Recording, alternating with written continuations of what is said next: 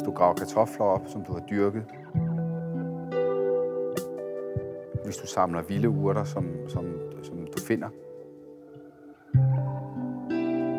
hvis man tager på jagt og engagerer sig i at slå et dyr ihjel og alt, hvad det indebærer, det, så, så er man en, en, en fuldkommen del af naturen, om ikke andet så bare for et øjeblik.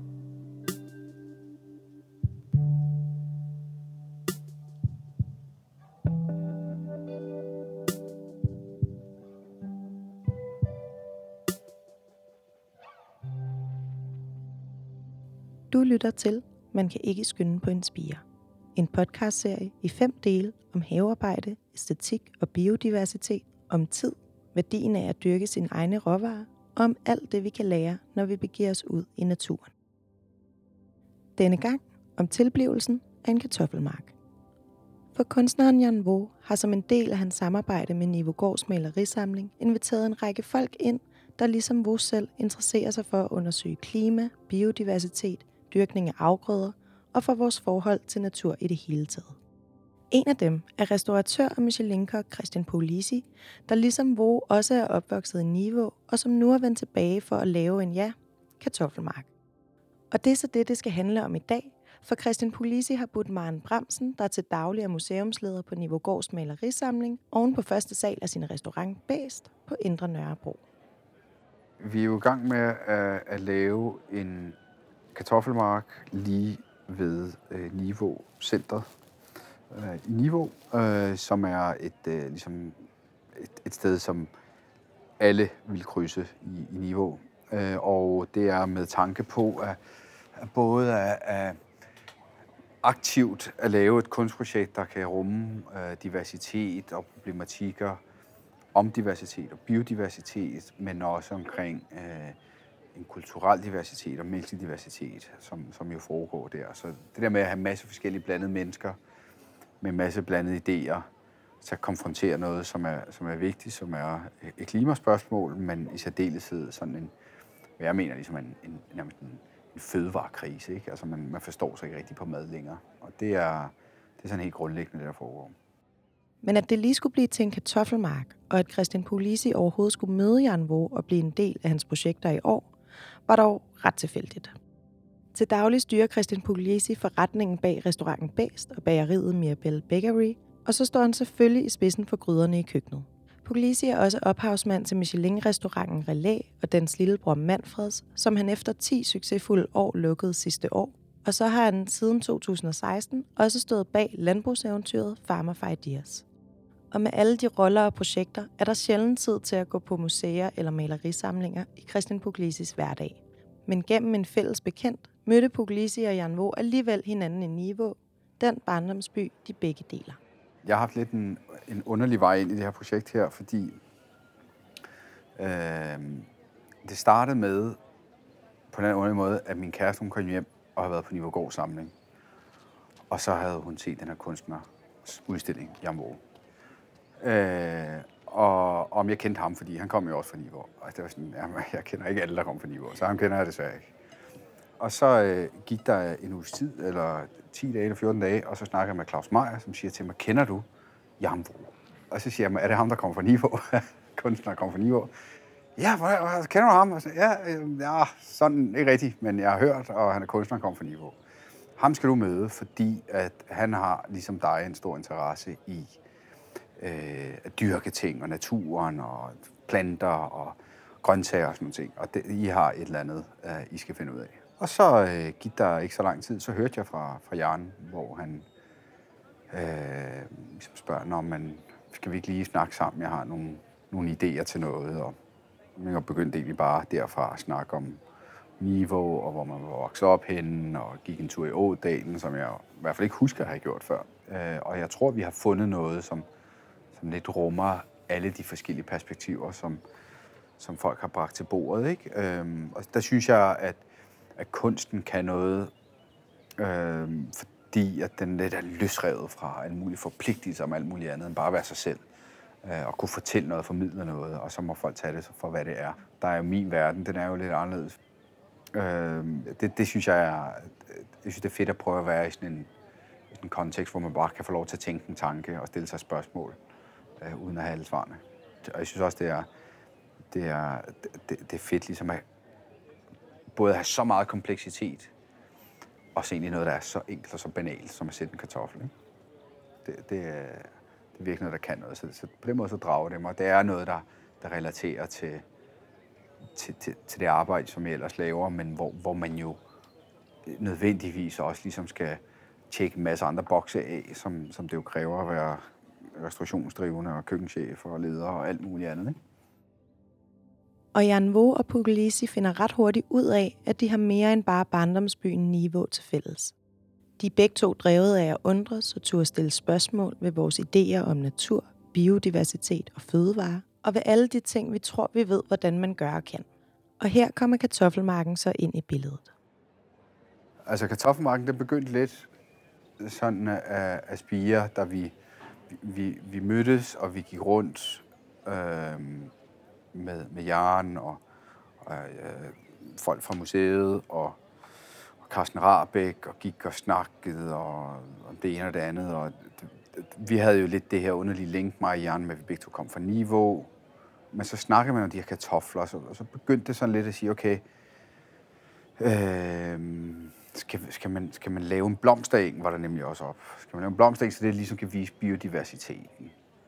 Øh, og så, så, så, så kunne man lave en blomstereng i niveau, og så kunne folk se den her blomstereng. Og så kommer makroøkologen og siger, jamen det vil ikke være den oprindelige eng, og det vil ikke være sådan, det vil ske. Og hvis den slår ud, ligesom at være sin naturlige jeg, så vil det se helt anderledes ud, og det vil blive lidt kedeligt. Og det vil ikke være alle mulige forskellige blomster, som vi forestiller os, og hvordan forstår man det? Og det er også det der med biodiversitet, så har vi jo vi har en forventning om, biodiversitet skal være ud på en eller anden måde, men det er fordi, vi vil have den på vores præmisser. Vi synes, blomster er flotte, så siger det, men det kan jo være alt muligt andet, som vi ikke forstår os på. Altså, blomster har jo ikke gjort noget som sådan, men pointen er for Puglisi, at vi skal tage del i naturen og ikke bare se på den. Ja, fordi jeg synes, at biodiversitet, når det bare er blomster, så er det bare bierne. Det mangler det, som jeg synes er allervigtigst i at forstå biodiversitet som en problematik nu. Det er, at manglen på biodiversitet er, fordi vi er fremmedgjort over for naturen. Og, og, så, kan du, så kan du drøse blomster øh, frø ud. Men, men det engagerer dig ikke på samme måde i naturen, som hvis du også er der til at høste. Når du høster naturen, så er du en del af den. Du høster naturen, hvis du graver kartofler op, som du har dyrket, hvis du samler vilde urter, som, som, som du finder. Og det kan noget meget mere end at bare kigge på naturen, fordi det er det, det, som er vores problem i dag, Øh, øh, mener jeg i hvert fald, et langt stykke af vejen, det er, at vi ikke har den der forståelse af, at vi er en del af den, og derfor skal vi passe på den.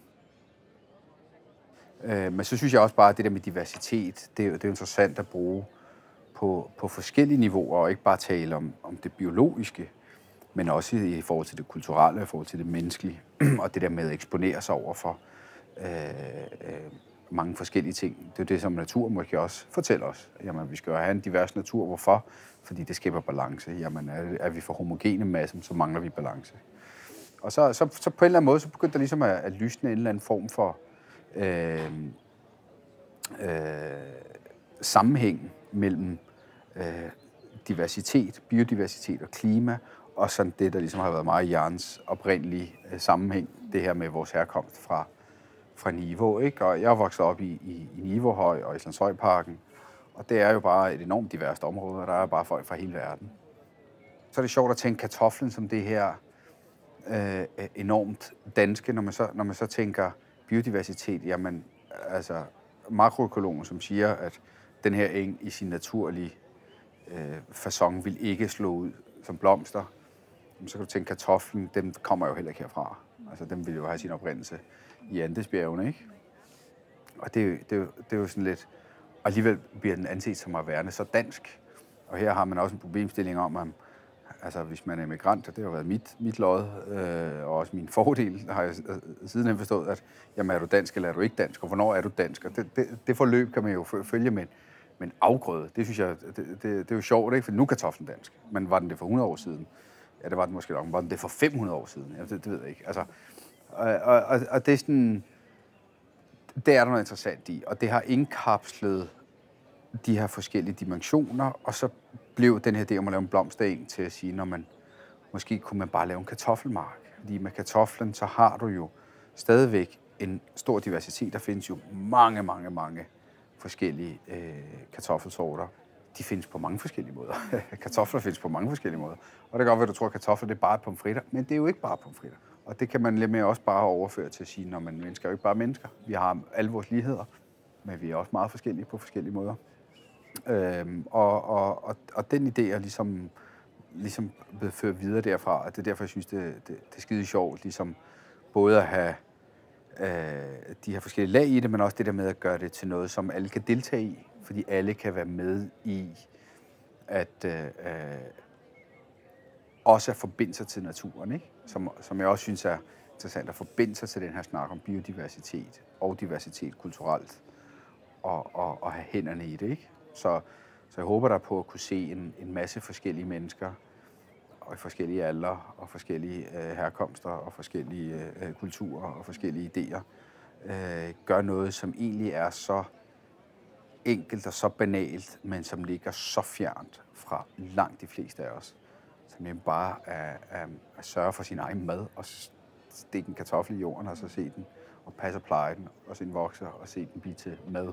Det, det synes jeg er en proces, der, der er vildt fascinerende og, og, og, og den, den kan rumme så meget, og den kan rumme alt det her. Og der er altså mange perspektiver i at anlægge en kartoffelmark, både når det gælder at engagere sig i naturen, og i forhold til spørgsmålet om diversitet på flere måder.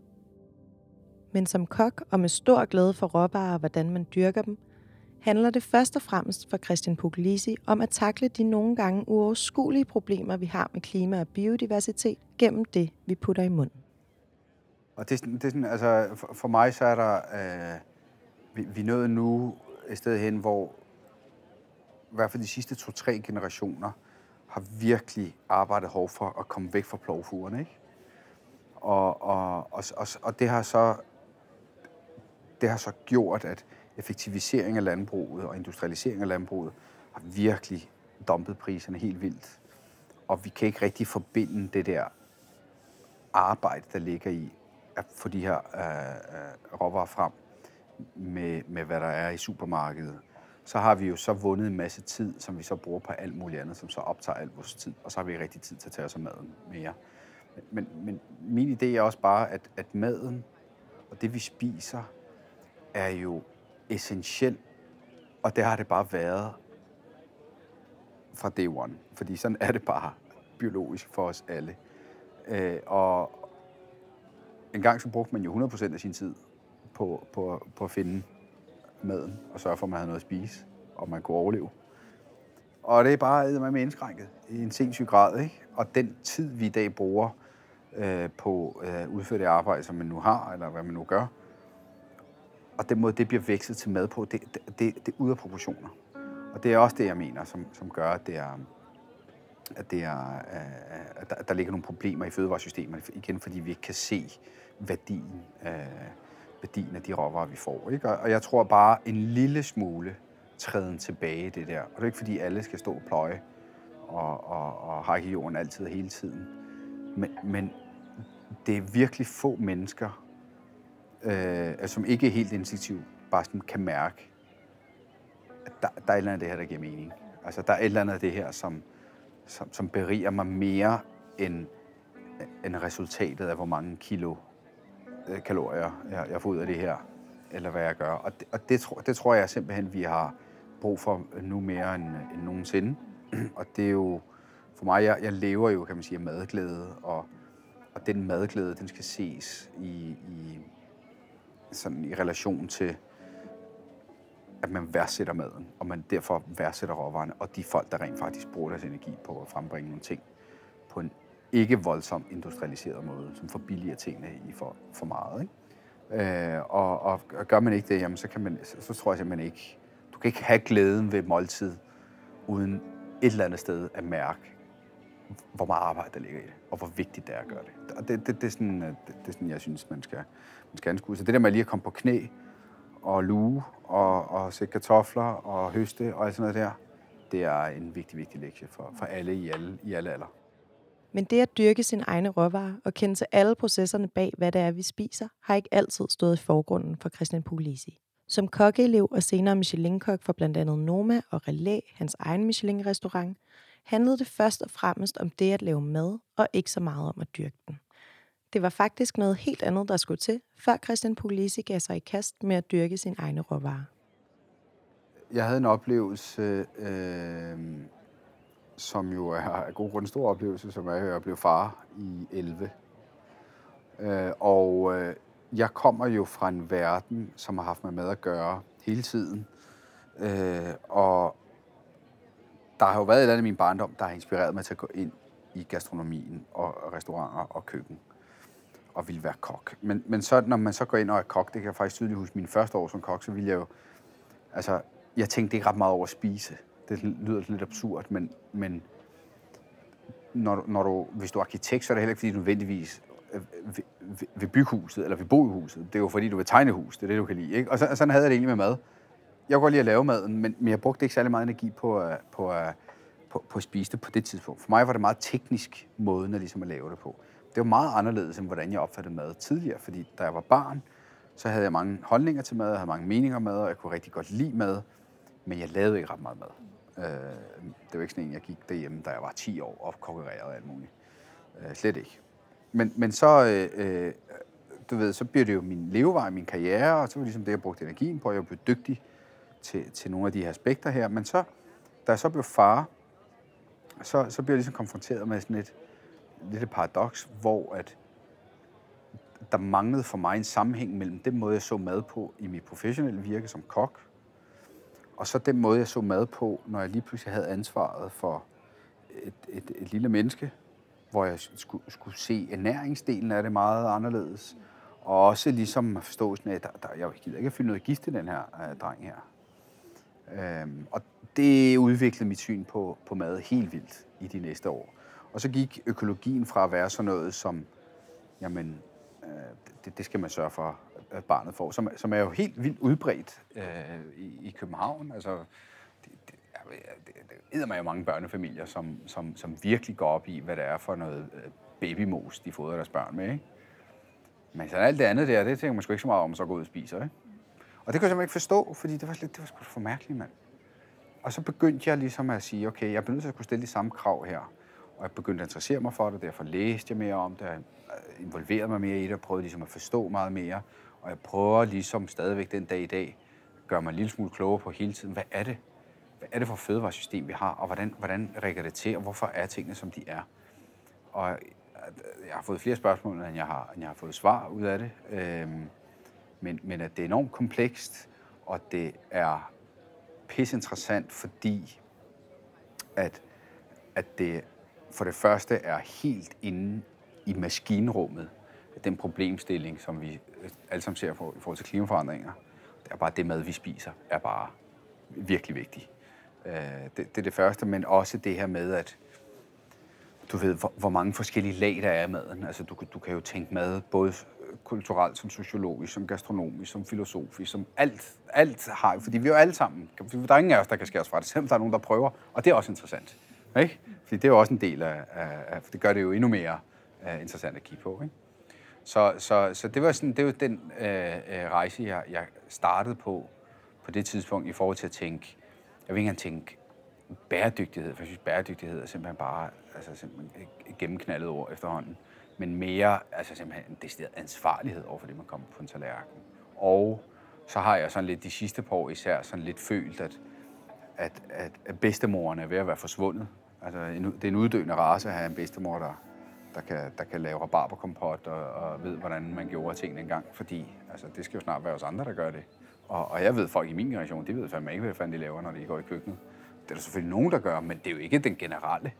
Øh, og der er bare rigtig mange samfunds øh, udviklinger, som har gjort, at, at, at den rolle er lidt forsvundet.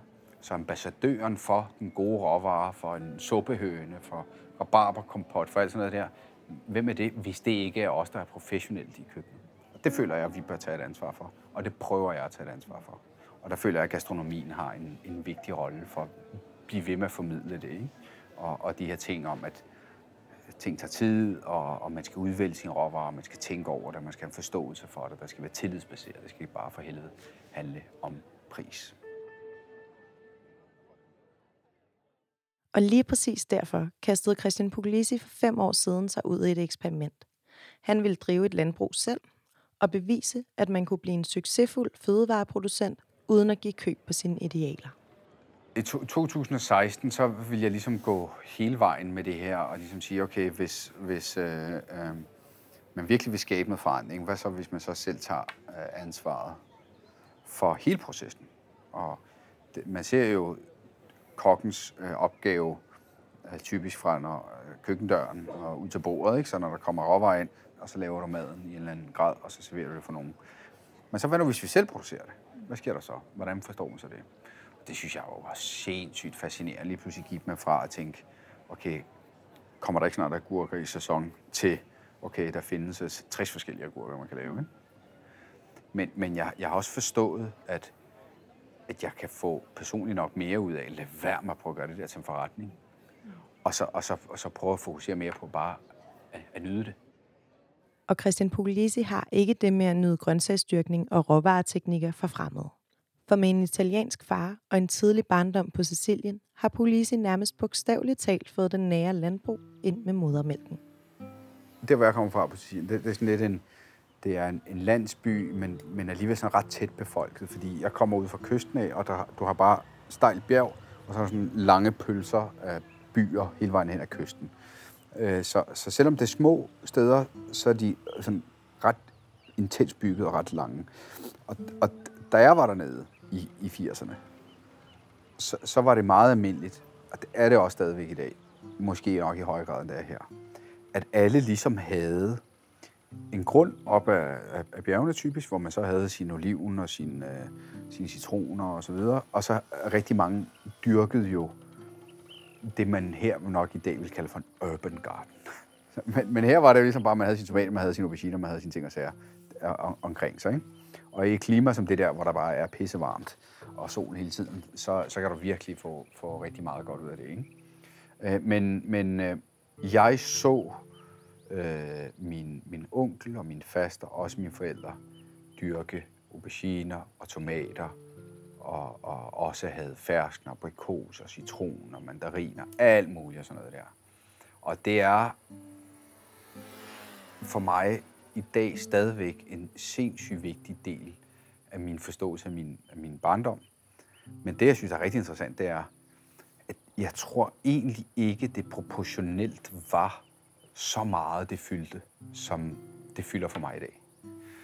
Øh, men, men det der, det, jeg, jeg havde fået et lille blik ind til noget, som, som har betydet rigtig meget for mange af de beslutninger, jeg har truffet senere hen i mit liv. Men ikke alle minder fra Sicilien rimer på madglæde. For da Christian Puglisi var barn, altså lang tid før han selv kom i køkkenet, var han vist det, man godt kan kalde krisen. På Sicilien kan du det er ikke ret mange generationer, skal tilbage, før tingene var virkelig anderledes, end de er her. Ikke? Og, og jeg kan tydeligt huske min, min, min fædre, som jo var børn af min faster og min onkel, som desværre lige er gået bort. Øh, hans forældre, de kommer fra bjergene fra en lille landsby. Og da vi var oppe og besøge dem, altså da jeg var barn, da vi var nede om sommeren i 90'erne, der øh, øh, deres, altså min fædres bedstefar, han red altså på muldyr op af bjerget for at tage på landet og passe hans grund og sådan noget. Ikke? Og de havde, øh, jeg var enormt kredsen som barn. Sindssygt kredsen. Og jeg kan simpelthen ikke forstå, at mine forældre tillod mig at være så, så, så irriterende. Men det, det var så mærkeligt, fordi da vi var oppe hos dem, jeg ville ikke spise noget af det mad, de lavede deroppe. Hos de her øh, folk, som jo levede, som var det i 20'erne. Ikke? Og øh, jeg synes, det hele havde sådan lidt en underlig smag, som jeg ikke, jeg, jeg, jeg simpelthen, jeg kunne ikke lide det. Øh, og øh, det, de, mine forældre gik så vidt som til, at de ville tage tomatsovs med hjemmefra. Men, men så, så i takt med, at jeg, så gik jeg kokkelærer, du ved, så blev jeg 16, 17, 18 år og sådan noget, så var jeg stadigvæk dernede. Så begyndte jeg at forstå sammenhængen, at forstå, hvad det var. Og, og de her mennesker her, det var jo sådan, at når, når, hvis, man fik, øh, hvis man var til frokost om søndagen, så havde de jo slagtet en hane og så braserede de den her hane i den brændefyrede stenovn, som jo de tilberedte alting i. Og de lavede surdejsbrød i den brændefyrede stenovn. Du ved, de tilberedte tomatsovsen i den brændefyrede stenovn. Og det, jeg ikke kunne lide, det var, at tingene jo var lidt røget hele tiden. Fordi det hele blev lavet over ild. Og da jeg var 17, 18, 19, 20, 21, så er det det, jeg drømmer om. Ikke? Mm. Og når jeg går der og bare en lille lort, så synes jeg bare, at det var for underligt. Jeg kunne simpelthen ikke forholde mig, forholde mig til det. Og det, det, det har jo været vildt for mig, ligesom at have det der alligevel så, så tilgængeligt, og have, have set det ske, og, og ligesom på en eller anden måde også altså har en nostalgi over for de der kvaliteter, øh, og ligesom prøve at arbejde på at få dem frem igen i maden. Fordi det kan man med maden, ikke? og det, det kan man godt trylle frem, øh, selvom man ikke er på, på, på, på Sicilien der. Ikke? Så, så der, der, er, der er noget indbygget i det der, som, som, har, som, har, som har, jeg har taget med mig i min øh, professionelle karriere. Ikke? Og fra sicilianske bjerge og muldyr skal vi så tilbage til Niveau og til kartoffelmarken, som Christian Polisi og Niveau Gårds malerisamling har placeret et måske lidt spøjs sted. I hvert fald ikke et sted, man normalt ser for sig, når man tænker på kartoffeldyrkning. Marken har de nemlig anlagt i Nivås bymitte, lige mellem skolen og torvet, men det er der også en forklaring på. Vi snakkede meget om lokationer, hvor den skulle ligge henne, for der var også snak om, at den kunne være lidt tættere på museet og ved stationen og på den anden side stationen og sådan noget. Men, men altså, jeg, jeg, jeg har gået øh, i skole øh, hver dag i, i mange år, hvor jeg er gået forbi lige præcis der. Øh, og, og lokationen ved Niveau-centret er jo også interessant, fordi der er jo så mange det er et lidt mere centrum. Det, det, det er mere det rigtige centrum for mig, end det, end det ville have været at være over på den anden side, hvor det bare bliver sådan lidt... Og hvis det så er et kunstprojekt, som, som skal foregå i niveau, så synes jeg, det skal foregå for hele niveau, og ikke bare over på, på den fine del over på den anden side af, af stationen, ikke? Og med det panorerer vi hen til åbningen af kartoffelmarken, der skete i slutningen af maj i år ved Nivås Torv. Vi har jo en, en forsker og en kunstner og en kok og en kunst, et kunstmenneske. øh, og, og når man så snakker biodiversitet, og det, så bliver det jo meget, øh, det bliver meget noget, der ligesom bliver meget højloftet og, og det, det er meget komplekst og meget svært at forstå. Og jeg synes egentlig, det der er interessant, det er, at man hisen fører hen imod det her med, at jamen, biodiversitet, det skal have noget tid, men det skal særdeleshed også ligesom have plads, og det skal have lov til ligesom at, at ske af sig selv i en eller anden grad. Men, men det interessante for mig i forhold til biodiversitet, det er også meget at gøre med øh, det, man spiser. Fordi det, øh, der er et af de store problemer i dag, det er jo, at, at vi jo egentlig spiser meget, meget lidt diverst. Altså vi bruger jo egentlig meget, meget få forskellige råvarer i vores mad og nærer os af altså meget, meget få ting. Først og fremmest bare en masse kulhydrater. Men i forhold til kulhydrater, så er der noget, der er interessant her. Det er jo, det er jo kartoflen, fordi i stedet for at plante ud og så se, hvordan det hele ligesom kunne, kunne, kunne vokse sig selv og være vildt, så synes jeg, det er interessant at se, hvor vildt kan man gøre det, mens man stadigvæk kan spise det. Øh, og når man så tænker kartofler, så tænker man sådan en lille bleg lille ting der, som man kan lave til pomfritter. Men som man kan se her, som vi prøver ligesom at demonstrere, så er der jo en enorm stor variation i forhold til kartofler. Og jeg drømmer om, at vi alle sammen kan deltage i at tage de her meget forskellige kartofler, som vi alle er meget forskellige mennesker. Et sted, som er meget almindeligt på mange måder. Det er i hvert fald noget, hvor alle ligesom har deres gang. Og sætte alle de her forskellige indtryk og alle de her forskellige idéer afsted i jorden.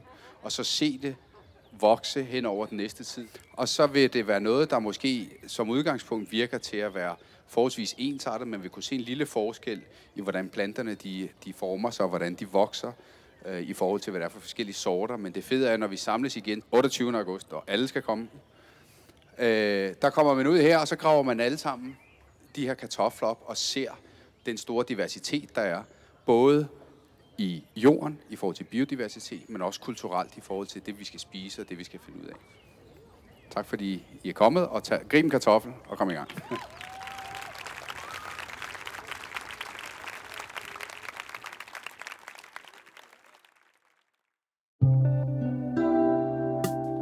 Du har lyttet til Man kan ikke skynde på en spire. Og vi runder nu denne her fortælling om havearbejde, åløb, kartoffelmarker og alt muligt derimellem af for nu. Du kan lytte eller genlytte til seriens episoder, hvor end du plejer at høre podcasts. Og hold også øje med en helt speciel ekstra episode, der udkommer ganske snart, hvor Jan Vo, Christian Polisi og Carsten Rabeck samles til en fælles snak om ansvar, klima, natur og kartofler. Jeg har produceret serien for Another Imprint. Mit navn er Christina Leonora Steffensen. Min lyddesigner er Sofia Rønte Stork, og musikken er lavet af Jakob Andersen.